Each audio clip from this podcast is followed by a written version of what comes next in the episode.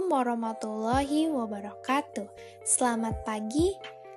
Kembali lagi dengan saya, Vinkaima Fadilah, di podcast pendidikan. Dengan kesempatan ini, saya akan menjabarkan tentang manajemen produksi.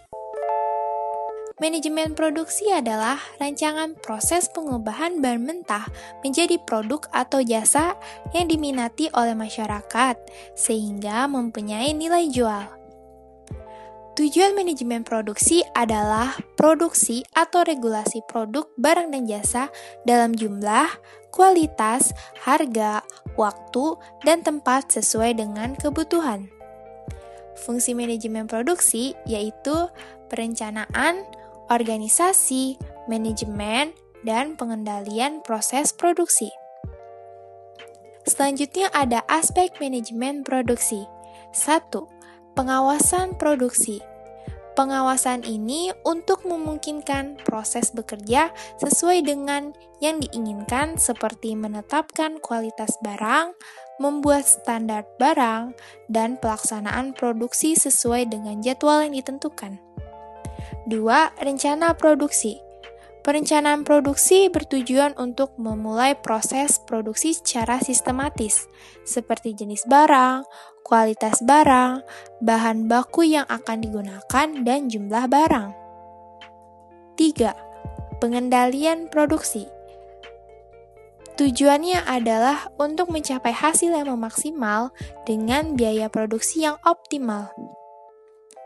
Ada juga ruang lingkup manajemen produksi 1. Kebijakan atau keputusan mengenai desain. Keputusan ini merupakan keputusan jangka panjang karena terdiri dari penentuan desain produk yang akan dibuat, lokasi, desain teknologi pengolahan, desain organisasi perusahaan, dan desain deskripsi, dan spesifikasi pekerjaan.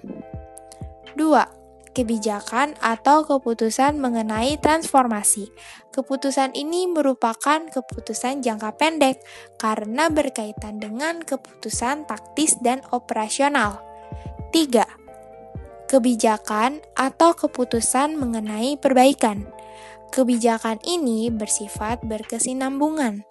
Kegiatan tersebut adalah perbaikan secara kontinu terhadap mutu keluaran, keefektifan, dan keefisienan sistem, kapasitas dan kompetensi para pekerja, perawat sarana kerja, dan metode penyelesaian produk. Manajemen produksi dengan manajemen operasional adalah dua hal yang berbeda, seperti yang dijelaskan dalam UKSI, yaitu 1. Output 2. Usage output 3. Klasifikasi of output 4. Consumer contact Sekian penjabaran dari saya. Wassalamualaikum warahmatullahi wabarakatuh.